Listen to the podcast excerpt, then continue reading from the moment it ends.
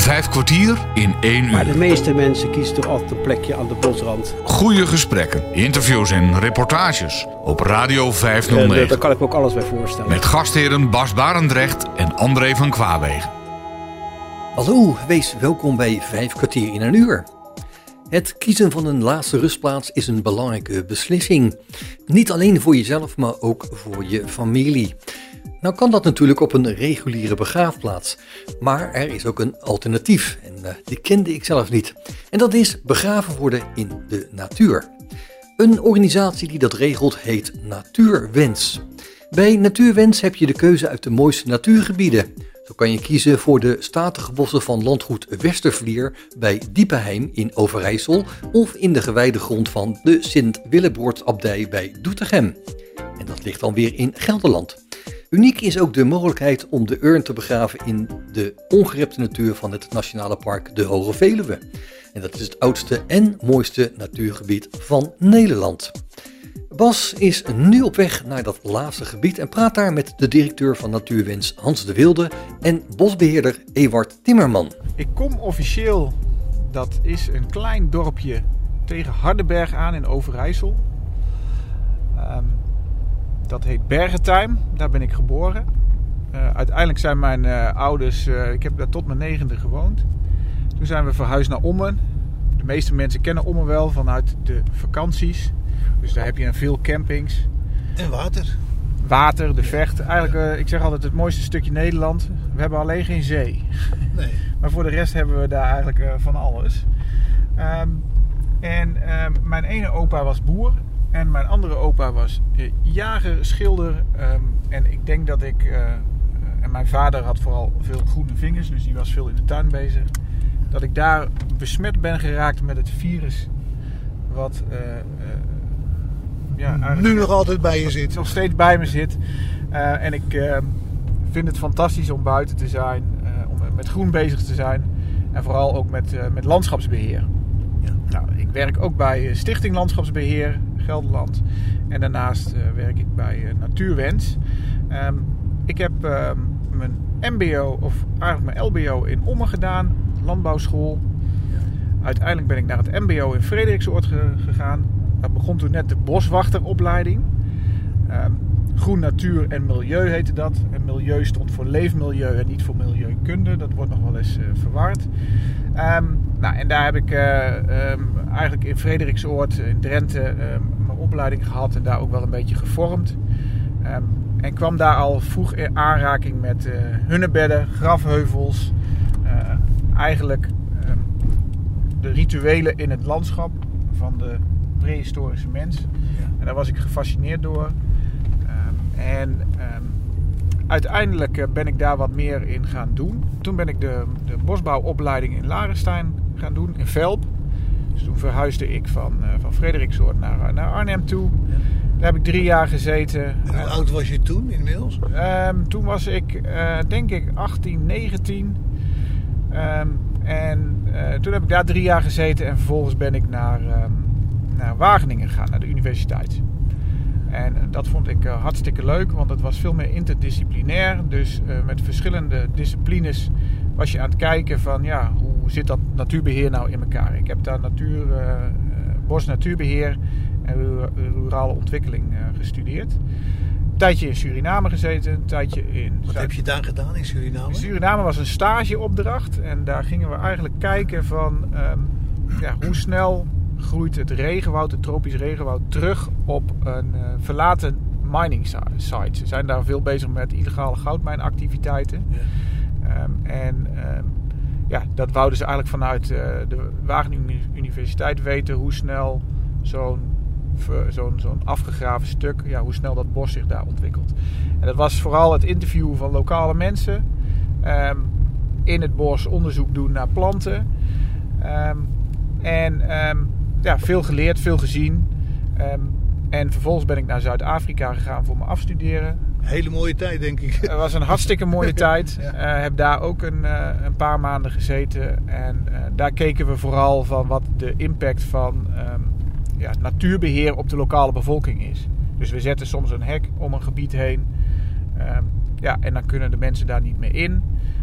Want die oogsten daar hout en die hebben daar, jagen daar en eh, ja, voorzien zichzelf daar eigenlijk in hun, eh, in hun levensbehoeften.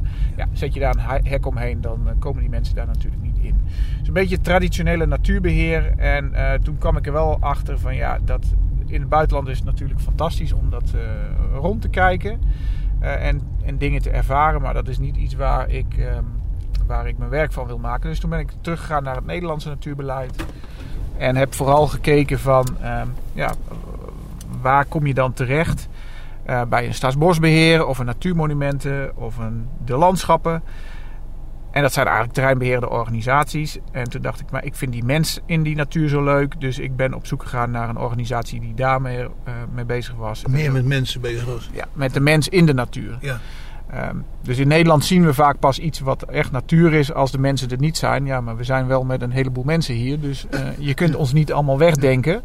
Ehm, en toen kwam ik bij Stichting Landschapsbeheer Gelderland uit. En eh, die houden zich eigenlijk vooral bezig met vrijwilligerswerk en met het cultuurlandschap. Omdat niet elke liefde lang kan duren, kreeg ik van jou James Taylor Fire and Rain. Dat is intussen 40 jaar geleden. But I always thought I'd see you again. Ik ben die regel altijd blijven geloven. Heb altijd trouw gewacht op dat moment. Nu ik ineens berichten op het net vind dat jij er al vier maanden niet meer bent. We zijn te oud om jong te sterven, maar veel te jong om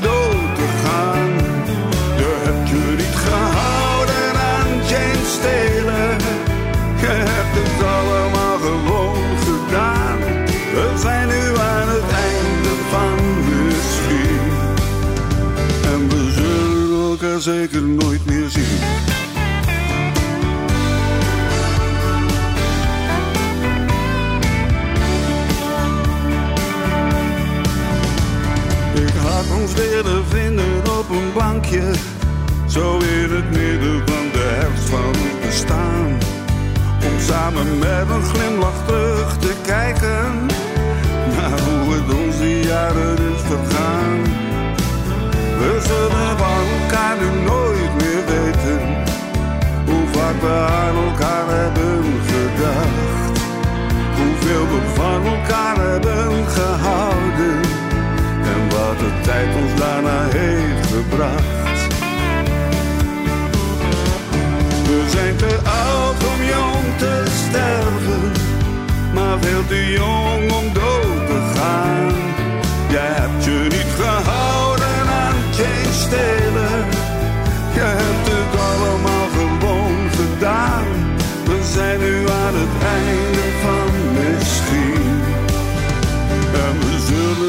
zeker nooit meer zien.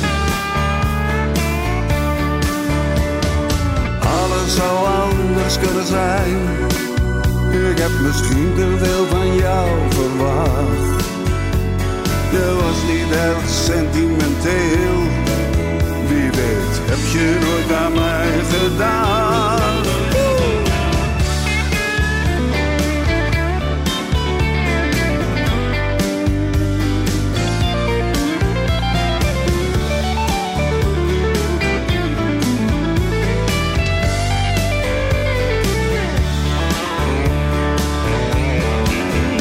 Zijn te oud om jong te sterven, maar te jong om dood te gaan.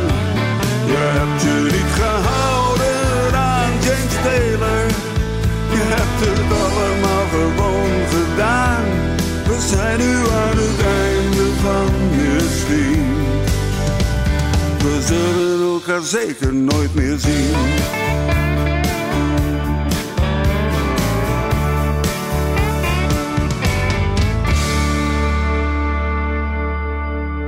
Radio 509. Bas Barendrecht spreekt vandaag met directeur Hans de Wilde en bosbeheerder Ewart Timmerman van Natuurwens. We zitten nu op het Nationale Park de Hoge Veluwe. Ehm, en eh, dat is ook een oud ontginningsgebied. ehm, waar, de, waar Anton en Helene eigenlijk eh, hun droom hebben verwezenlijkt. Die wouden eh, stukken grond hebben, deels om te jagen, eh, maar ook om eh, te ontspannen. Ehm, en zijn uiteindelijk hier in deze regio, eh, in Ede, begonnen met het aankopen van grond om, eh, om, om dit hele terrein te gaan verwerven. Nou, en dat vind ik ook zo mooi, dat hier kunst, natuur en cultuur samenkomen. Ehm, Ja, want dat is al een paar jaar geleden dat dat gebeurd is. dat is, dat is echt al een hele flinke tijd geleden. Eh, en wat je nou ziet is dat daar omheen eh, een, een nat- bepaalde natuur is ontwikkeld. ehm, maar die nog steeds wel eh, de karakteristieken en sporen heeft van menselijk gebruik. Nou, en daarin is dat begraven ook heel interessant. En met name het natuurbegraven. We hebben eigenlijk de laatste 50 jaar is die dood veel meer buiten de maatschappij komen te staan. Nou, kijk je bijvoorbeeld naar die culturen waar ik dan in Suriname of Zuid-Afrika ben geweest. Ja, daar is die dood veel meer onderdeel van de maatschappij. Dat is het hier niet. Dat is het, dat is het hier eh, minder. Je ziet, Misschien wel aan het worden, maar ja, je ziet dat dat langzaam weer terugkomt. Ehm, en ik ben, voordat ik bij eh, Stichting Landschapsbeheer Gelderland terecht kwam, ben ik eigenlijk bij Landschapsbeheer Nederland aan het werk geraakt. En daar deed ik een onderzoek naar historische begraafplaatsen ehm, eh, en, en groene kerkterreinen. En eh, eigenlijk wou Landschapsbeheer Nederland weten van ja, hoeveel van die terreinen hebben wij in Nederland? Ehm, en wat is de status daarvan? Nou, eh, ik dacht, dan ga je wat rondbellen met een kadaster, met parochies. En dan heb je snel een kaartje waar al die begraafplaatsen in Nederland liggen. ja, dat is een beetje eenvoudig gedacht, denk ik. Ja, dat is, dat is heel eenvoudig gedacht. Ehm, want een aantal van die terreinen, ja, die zijn eigenlijk gewoon eh, min of meer verdwenen. Overgenomen door de natuur. Dus je hebt een aantal bosplekken. Ja, daar, als je daar gaat graven, dan kom je nog wat zerken tegen. Eh, maar toen kwam ik eigenlijk in, in contact met die, eh, het, het, de, de funeraire wereld, zoals we dat noemen, in Nederland. Ehm, en eh, daar zijn een aantal mensen die mij daarbij geholpen hebben. Dat is een Leon Bok en een Ada Wille. Ehm, en uiteindelijk eh, ben ik in contact gekomen met de stichting Terenbind. Die zet zich in voor het funeraire erfgoed. Alleen dat is de, eigenlijk de begraafplaatsen van de afgelopen 100, 150 jaar. Ehm, en ga je nou meer naar natuurbegraven kijken... Ja, dan gaat dat eigenlijk veel verder terug. Naar de eerste bewoningen, ja, de hunnebedden, de grafheuvels. Ehm, nou, en vanuit de jaren 90 zag je al een trend komen van... nou, eh, eh, langzaam in Engeland waren ze al druk bezig met het, het natuurbegraven of het begraven in de natuur. Ehm, en wat daar vooral een krachtig onderdeel van is, is eeuwige grafrust. Ehm, op een traditionele begraafplaats koop je een grafrecht voor vijf jaar of tien jaar of twintig jaar. Ja, en dan wordt de vraag gesteld, ehm, betaalt u bij? Eh, ja of nee? En doe je dat niet, dan kan het graf geruimd worden. Nou, dat is voor heel veel mensen niet een fijne gedachte. Ehm, en dat is het mooie van het natuurbegraven. Die biedt eeuwige grafrust. Voor zover je kan spreken, Ja. spreken van eeuwigheid natuurlijk. En dan kom je uit op, op iets waar eh, je eigenlijk gewoon voor een hele lange periode eh, een lichaam kan begraven. Nou, ehm, uiteindelijk zijn we met ehm, in 2000, is dat 2014 geweest, ben ik in contact gekomen met Jaap Beekhuis. Ehm, en die had het concept Urnen Gedenkparken bedacht. En dat betekent dat je eigenlijk in eh, mooie bossen eh, een plek uit kan kiezen en dat je daar een urn kan begraven. Nou, en eh, met Jaap heb ik een aantal gesprekken gevoerd en dat klikte wel. Ik heb ooit een keer met een eh, vriend van mij een idee gehad om alle grafheuvels in Nederland op te kopen. Eh, die dan op eigenlijk overheidsgronden liggen. Maar kan dat? Nou, Zou dat kunnen? Dat, dat zou je dan kunnen voor een symbolisch bedrag. Maar wat Ja. ons doel was eigenlijk van, om naast bestaande grafheuvels nieuwe grafheuvels op te richten. En daar dan weer in te gaan begraven. En met het geld wat je daar dan verdient, om dat te gebruiken voor het onderhoud van alle grafheuvels in Nederland. En daar wat meer eh, naamsbekendheid aan, eh, aan, aan geven. Nou, en uit zodoende eh, met dat idee, nou dat was de tijd nog helemaal niet rijp voor. Want alle archeologen hadden zoiets van, je moet dat, dat is vervalsing. En daar moet je niet aan mee gaan werken. Ja, ja. Ehm, nou is daar natuurlijk tussen een grafheuvel uit de... er zitten ook soms tijdlijnen van dat er een 200, 300 jaar eh, niet begraven wordt. En dan beginnen we ineens weer. Dus dat, je ziet altijd die trends eh, door onze samenleving heen gaan van eh, ja, hoe we omgaan met de dood. Uiteindelijk is, ehm, is, dat, is, is Jaap daarmee van start gegaan. En zijn er een aantal van die gebieden in Nederland aangewezen als urn een gedenkpark. waar je dus ehm, in vrije keuze een urn mag begraven in de natuur. Ik weet van Henny van der Mos dat hij in Kalkar ook een situatie heeft gecreëerd waar mensen dus begraven kunnen worden. Die ken ik niet. Nee, ik ken Henny van der Morst wel. En ik weet ook dat het een, een entrepreneur is die heel slim dingen altijd weet te vermarkten. Het zal zo zou kunnen zijn dat hij daar een... eh, een... Enig in Nederland hoor. Oké, ja. ja, ja, ja. Nee, dat, eh, dat, dat weet ik dan niet. Ik weet wel dat er van, eigenlijk van allerlei andere ehm, eh, ja, manieren zijn om, eh, om de doden te begraven. Maar hier zitten we vooral ook in het Nationale Park. Eh, ja, met de natuur, daar moet je voorzichtig mee zijn met bodem, water. Eh, en daardoor is er gekozen om alleen maar het bijzetten van een, eh, een, een asbus. eh, Ja. eh, ja, dat, dat, kan, dat dat je die kan begraven. Die tast de bodem ook niet aan. Nee, zeker niet, want het is maar een klein gat wat je graaft.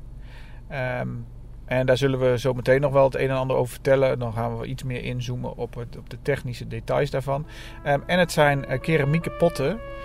Eh, en die, komen, uh, die worden gemaakt van klei uit de omgeving. Dus dat is, uh, uh, het is eigenlijk hetzelfde als dat er een steen in de bodem ligt. Uh, en heel langzaam zal dat worden opgenomen in het systeem.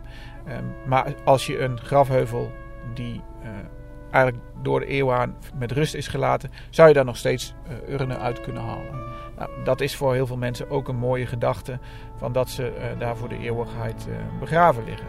Ik heb een steen verlegd.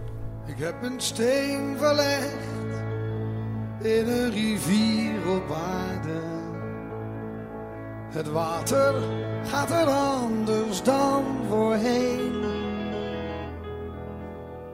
De stroom van een rivier hou je niet tegen. Het water vindt altijd een weg omheen. Misschien eens gevuld door sneeuw en regen. Neemt de rivier mijn kiezel met zich mee. Om hem dan glad en rond gesleten te laten rusten in de luwte van de zee. Ik heb een steen gelegd in een rivier op aarde. Nu weet ik dat ik nooit zal zijn vergeten. Ik lever de bewijs van mijn bestaan. Omdat door het verleggen van die ene steen de stroom nooit meer dezelfde weg kan gaan. Vijf kwartier in één uur. Mijn naam is uh, Hans de Wilde. Ik ben directeur van Natuurwens. Uh, mijn achtergrond is wat anders dan die van, uh, van Ewart. Ik ben in Engeland geboren. Dat kwam omdat mijn uh, vader toen, uh, die zit in de scheepsbouw, die ging in, in Engeland werken, dus wij gingen mee. Ja. Uh, en toen ik een jaar of zeven was teruggegaan naar Nederland en verder in Nederland uh, uh, opgegroeid.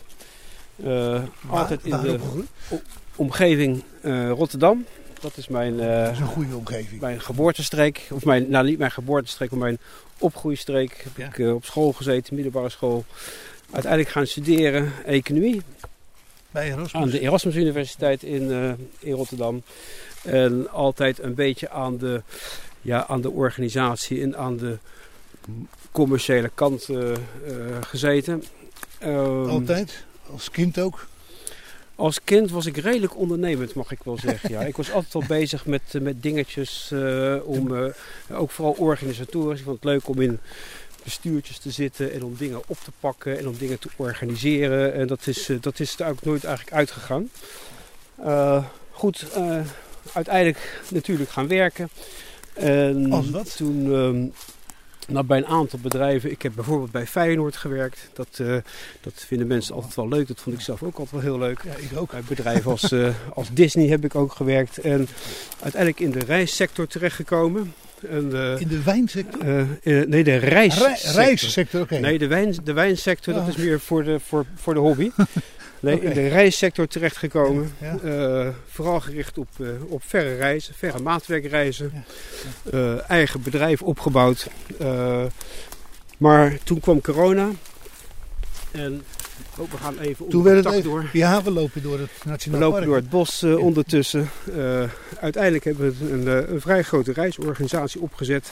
Door corona kwam dat natuurlijk op een laag pitje te staan. En ik had in die tijd ook veel contact met een compagnon van mij. Ja, Die altijd heel erg geïnteresseerd was in alles wat met natuur te maken heeft.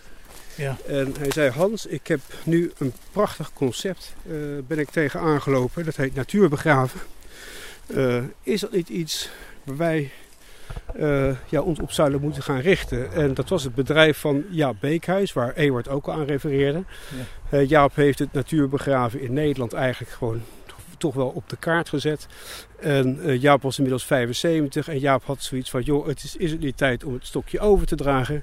En toen heb ik samen met mijn compagnon het bedrijf van Jaap Beekhuis overgenomen. Eh, en daar zijn we sinds eh, vorig jaar ook enthousiast mee aan de slag gegaan. Eh, een van de eerste dingen die we gedaan hebben is eh, eh, een nieuwe naam geïntroduceerd. Het bedrijf heette Urne Gedenkparken. Maar dat vonden wij toch een wat, ja, een wat beladen naam. We hebben daar een nieuwe naam voor verzonnen, Natuurwens. Omdat eigenlijk wat wij doen is de wens die heel veel mensen om een laatste rustplaats in de natuur te hebben, om die wens eigenlijk in te vullen. Dus wij vinden Natuurwens een naam die ons concept eigenlijk heel goed, heel goed dekt. En daar zijn we nu, daar zijn we nu mee bezig. Gaat dat goed?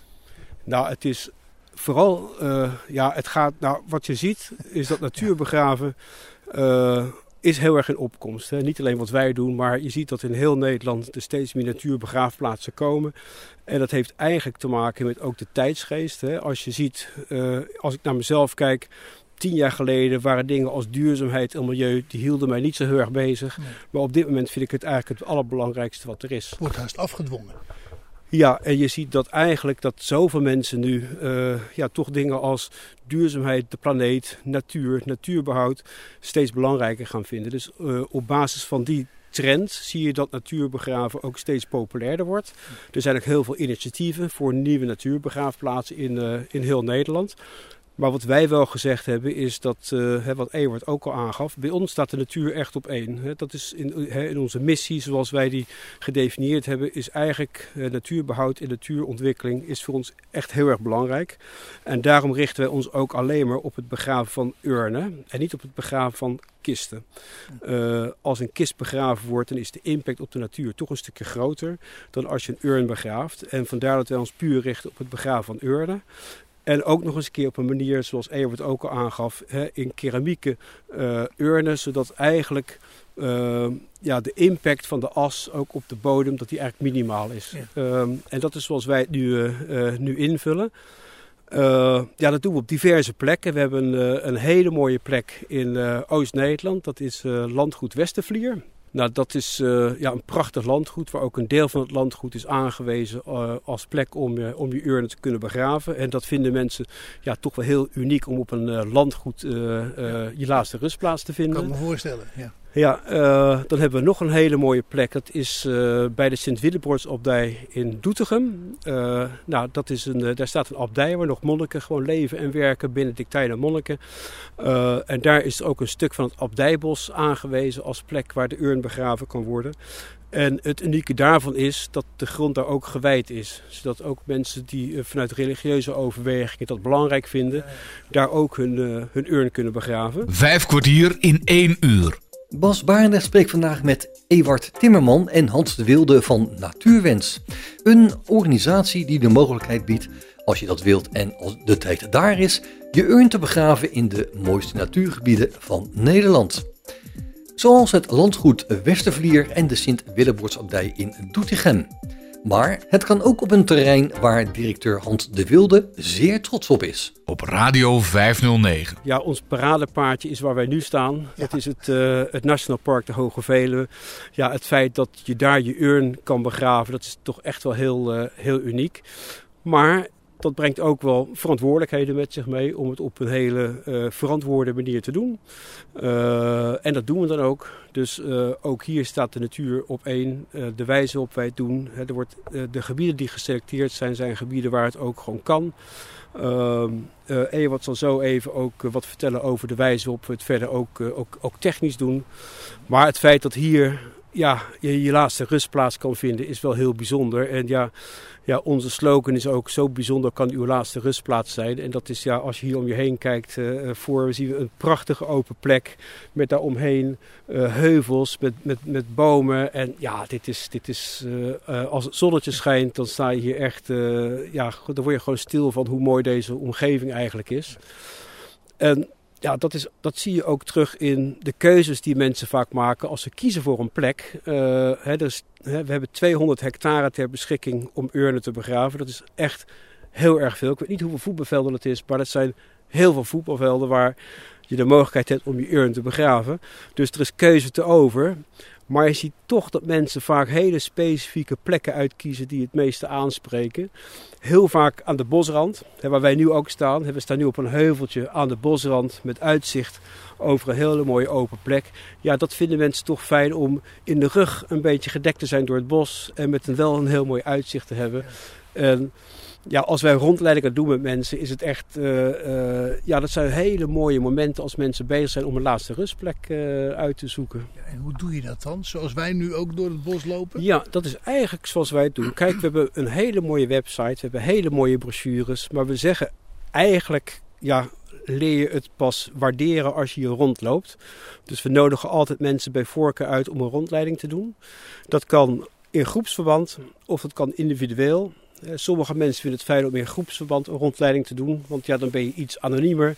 Andere mensen vinden het juist fijn om individueel een rondleiding te doen, want ja, er komen toch vaak hele ja, persoonlijke gesprekken komen er uh, aan bod. Dus wij geven de mensen de keuze, groeps, groepsrondleiding of een individuele rondleiding.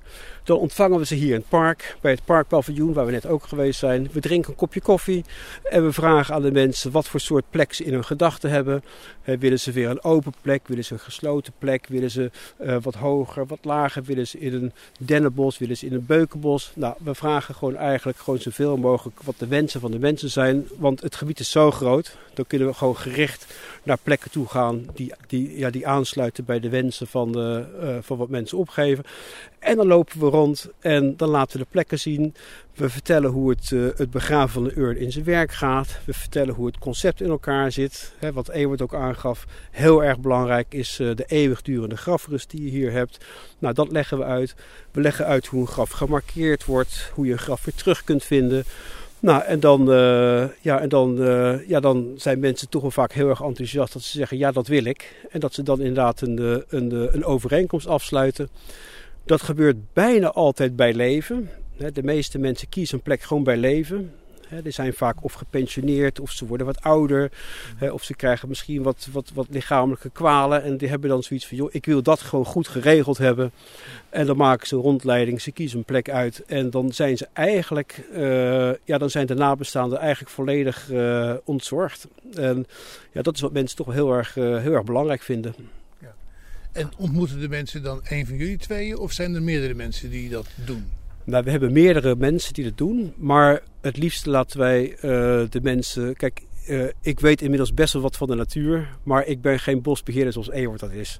Uh, dus we hebben een aantal mensen die dezelfde achtergrond hebben als Ewart, die de rondleidingen doen. Dus die zowel het concept kunnen uitleggen, maar ook gewoon over ja, de natuur kunnen vertellen. En wat zo uniek is aan dit specifieke stukje natuur. Ja. Dus dat is zoals wij dat, dat invullen. En dat zijn echt hele mooie wandelingen en met hele mooie gesprekken. En uh, we leggen ook geen druk op mensen van, joh, je moet nu beslissen, want zo werkt dat niet. Uh, hè, mensen komen ook bijna altijd voor een tweede keer terug, want dan hebben ze toch twee, drie plekken gezien en dan willen ze toch even aan de kinderen laten zien. dus dat zijn gewoon trajecten die duren gewoon eventjes en dat vinden wij, dat vinden wij gewoon prima. Ja. Hoeveel mensen heb je nu al voor dit soort uh, situaties? Nou, ja. ja. er is een verschil tussen het aantal uh, overeenkomsten wat we hebben afgesloten en het aantal mensen wat daadwerkelijk begraven ligt. Omdat mensen bij leven een contract afsluiten en vaak pas later, jaren later begraven worden. Eh, we hebben nu, Ewart, denk ik 150 Ja. plekken ongeveer hier op de Hoge Veluwe, eh, laten we zeggen, verkocht om het zo maar te zeggen. En ik denk dat er een stuk of 30 à 40 eh, daadwerkelijk eh, begraven liggen. En ja, dat is in een gebied zo groot, is dat, eh, ja, is, Peanuts. is, is dat peanuts. En dat is ook gelijk een van de ja, toch wel unieke punten van het, van het concept. Want hè, je hebt meerdere natuurbegraafplaatsen, maar dat zijn echt begraafplaatsen waar ook kisten begraven worden en urnen begraven worden. En die werken echt gewoon met, oké, met een raster, met een bepaalde oppervlakte die je dan ter beschikking hebt om een kist of een urn te kunnen begraven. En ja, de gemiddelde natuurbegraafplaats die, die heeft een, een soort eh, regel dat je voor een urn ongeveer 1 vierkante meter is jouw plek. Dus 1 meter bij 1 meter, dat is de plek waar je urn kunt betalen eh, of kunt eh, begraven. Wij hebben hier zoveel ruimte. Wij, wij, wij, zo, zo denken wij niet. Bij ons zitten altijd minimaal 5 tot 10 tot 20 meter tussen twee verschillende plekken in. Dus je zit bij ons al heel gauw op 25, 50, 100 vierkante meter voor een plek. En dat willen we ook zo houden, want ja, grafdichtheid, ja, die moet, vinden wij niet, het moet niet, de grafdichtheid moet niet te hoog worden. Hè. Het moet wel uniek blijven en exclusief blijven. Dus dat, is, eh, ja, dat is iets wat wij toch ook wel heel streng naleven. Dat er gewoon voldoende ruimte is eh, voor, een, eh, voor een specifieke plek. We gaan er naar kijken. Ja.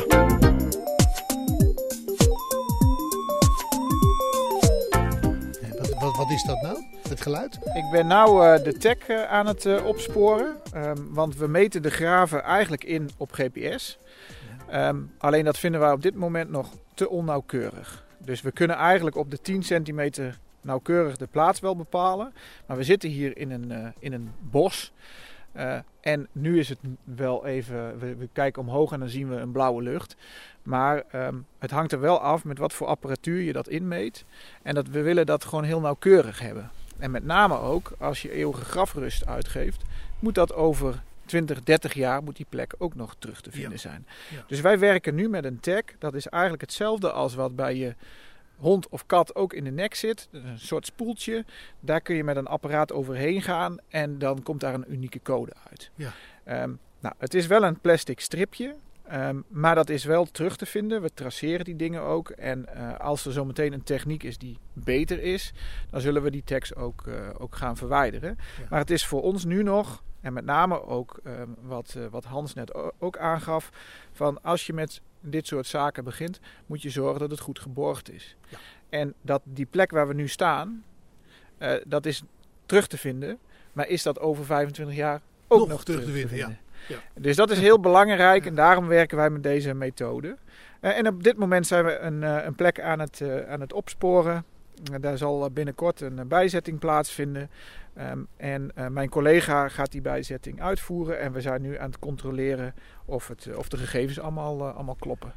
Dus die gegevens die heb je ergens ingezet of in je hoofd of in je... Waar heb je Nee, dat zit in een, in een digitaal database zit hier helemaal achter.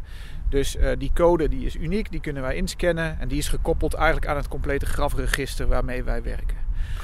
Dus dat is echt belangrijk dat dat allemaal op elkaar afgestemd is. Nou, dan gaan we dus hier eens kijken.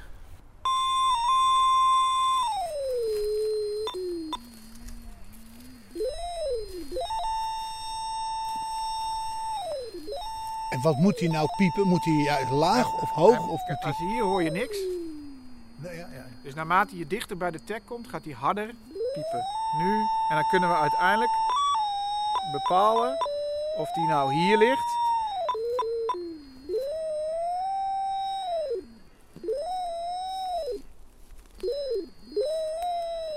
Dus de tag ligt hier. En als ik nou op de knop read druk, dan gaat hij hem lezen. Dan staat daar uiteindelijk een ehm tiencijferige code. En die moet dan overeenkomen met wat ik op mijn papiertje heb staan. Ehm, en ehm, dat is normaal met de telefoon hoor. Maar ik heb- zie hier nu eh 000 163. En de laatste vier cijfers houden we even Ja. voor onszelf. Juist. Maar die kloppen wel. Maar die kloppen wel. Oké. Nou, en dan weten we zeker dat dat hier eh, de plek is. Ehm, en dat dat ook gekoppeld is aan onze database. En dat die mensen met een gerust hart ook weten is waar ze in 2019 uh, met ons hebben rondgelopen. Dat dit ook deze plek is.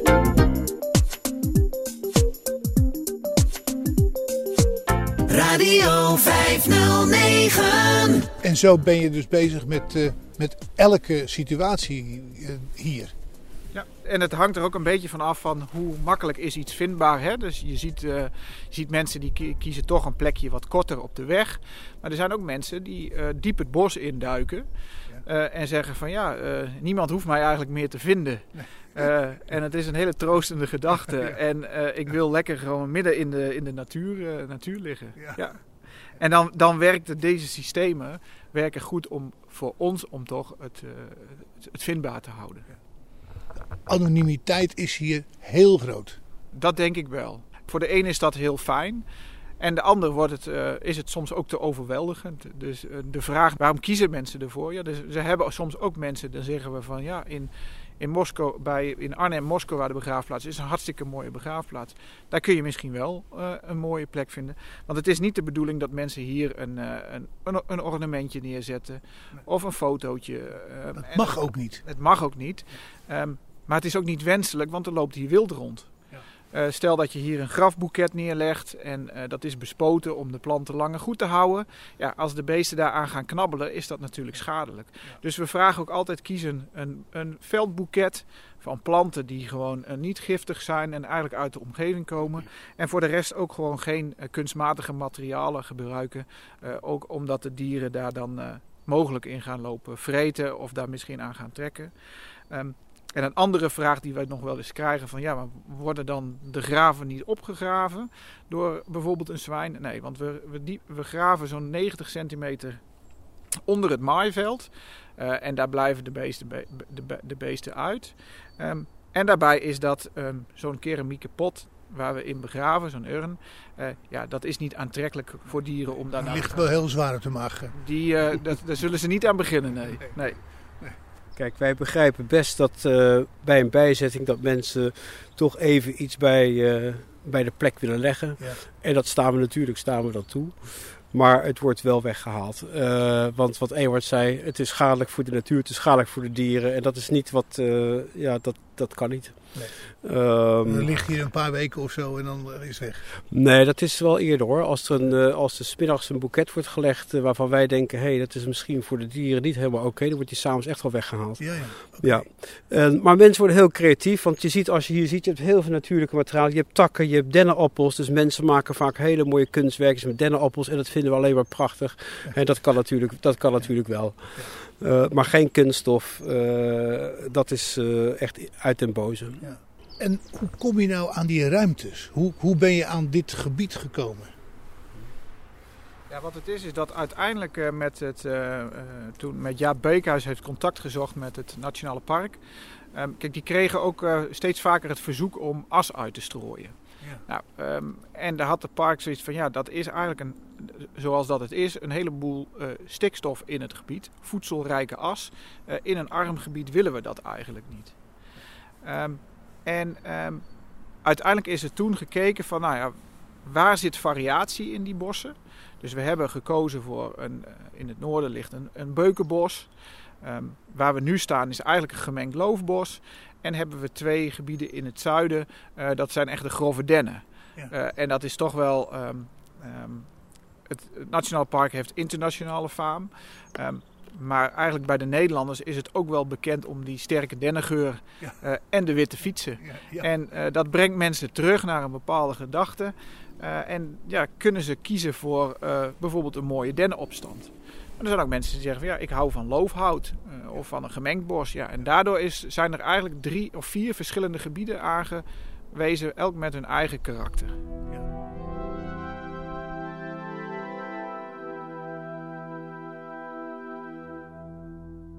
There's no time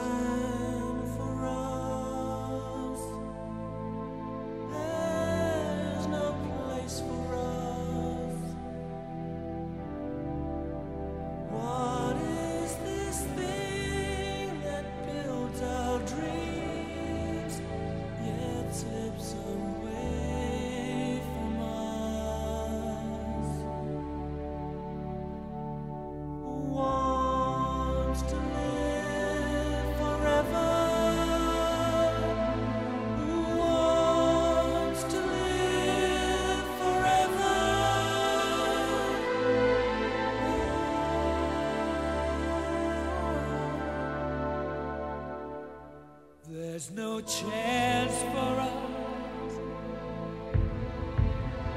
It's all decided for us. This world has only one sweet moment set aside for us.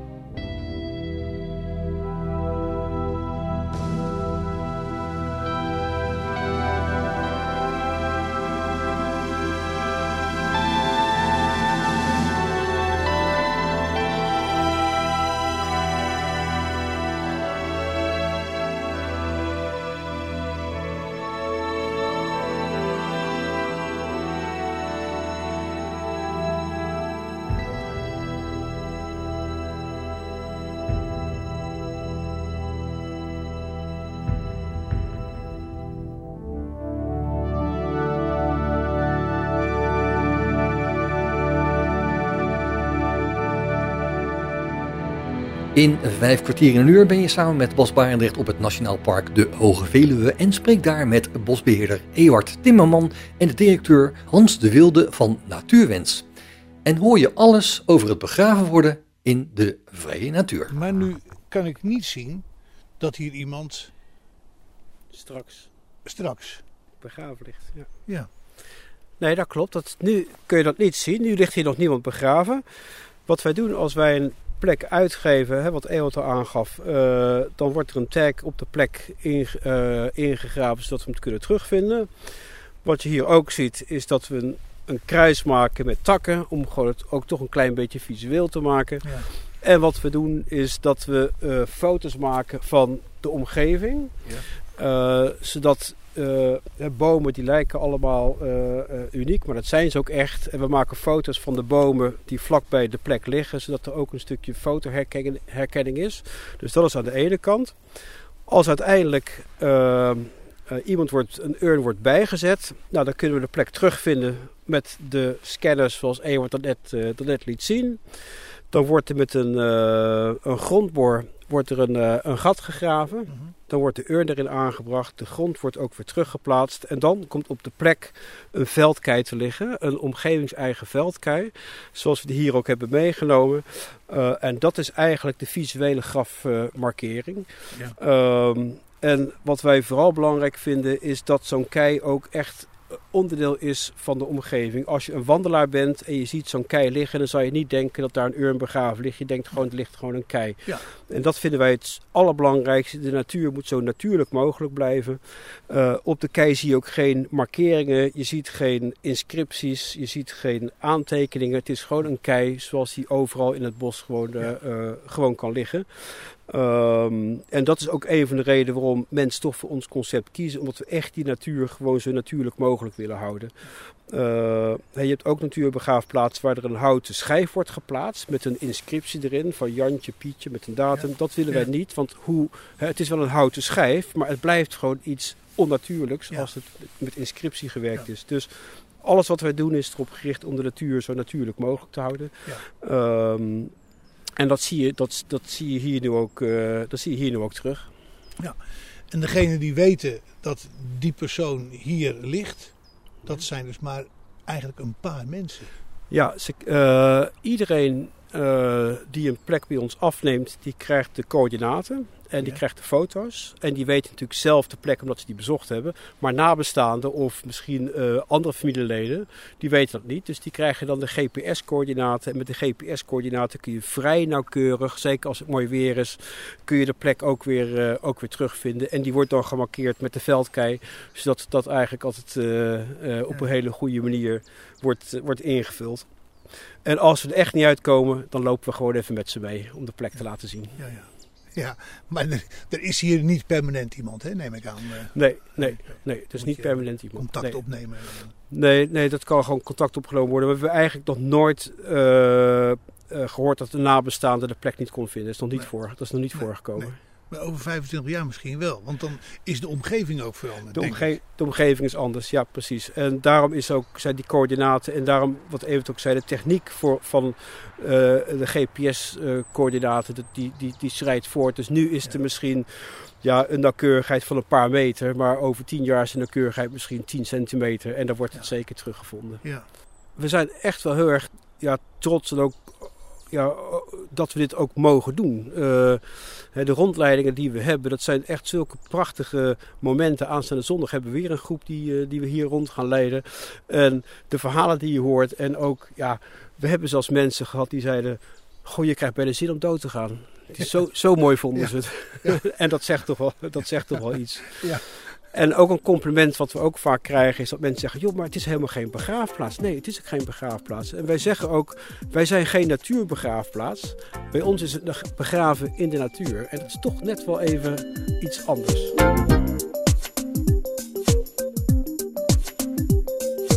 Vijf kwartier in één uur. Ja, we staan hier nu aan een plek, nou wat zal het zijn, ongeveer eh, 100 meter van de weg af. Eh, we zijn door een stukje bos gelopen, over een heuveltje. Nou, dat is voor heel veel mensen is dat goed te doen, maar voor heel veel mensen ook niet. Eh, dus wat we ook zien is dat plekken die vaak toch wat dichter bij een fietspad of bij een, eh, een parkeerplaatsje of bij de weg liggen, dat die ook vaak gekozen worden voor mensen die eh, een beperking hebben, die bijvoorbeeld met een rolstoel de plek willen bezoeken. Ja, je kan niet hier die 100 meter met een rolstoel, maar langs de kant van de weg hebben we ook prachtige plekken die wel heel goed bereikbaar zijn voor mensen met een, eh, met een beperking. En dat is ook wat mooie van ja, die 200 hectare. Het, het is nog nooit voorgekomen dat mensen geen geschikte plek konden vinden. Dus eh, er, Kan ik is, me ook niet voorstellen. er is ook zoveel keuze. Er is zoveel keuze. En, eh, en dat, dat maakt het ook wel. eh, ja, het voelt ook wel exclusief. Sommige mensen zeggen ook: het is een beetje een eer om hier te liggen. Hè? Het is, zo voelt het ook. Het is een eer dat je hier mag liggen. Ik ben ook als kind, kwam ik hier altijd. Ik kwam hier fietsen met mijn ouders. Ik ben met mijn eigen kinderen. met mijn hond ging ik. Het was het tweede huis. Heel veel mensen hebben een soort band ook met het, met het park.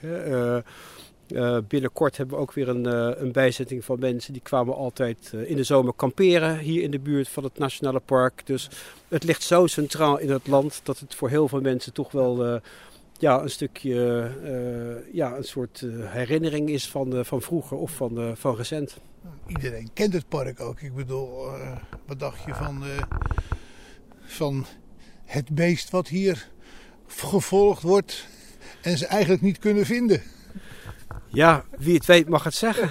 Eh, wij, wij hebben geen idee. En dat is ook een discussie waar wij ook, eh, ons ook echt niet in mengen. Want dat Nee. is, eh, hè, je hebt het ook meegekregen waarscheinlijk in de publiciteit. Hè. Je, hebt, je hebt mensen, iedereen heeft een mening erover. En ja, het is, het is ja. Ja, ik hou gelukkig van een wolf, dus voor mij is het geen probleem. Ja. Ja, dus, ehm, maar goed, het is, het is, dat zijn dingen die, die onderstrepen wel, vind ik, de, eh, het concept zoals wij het hebben. Ja, je ligt hier in de natuur en daar komen dieren voor. Ja. En dat is juist, dat is juist het mooie.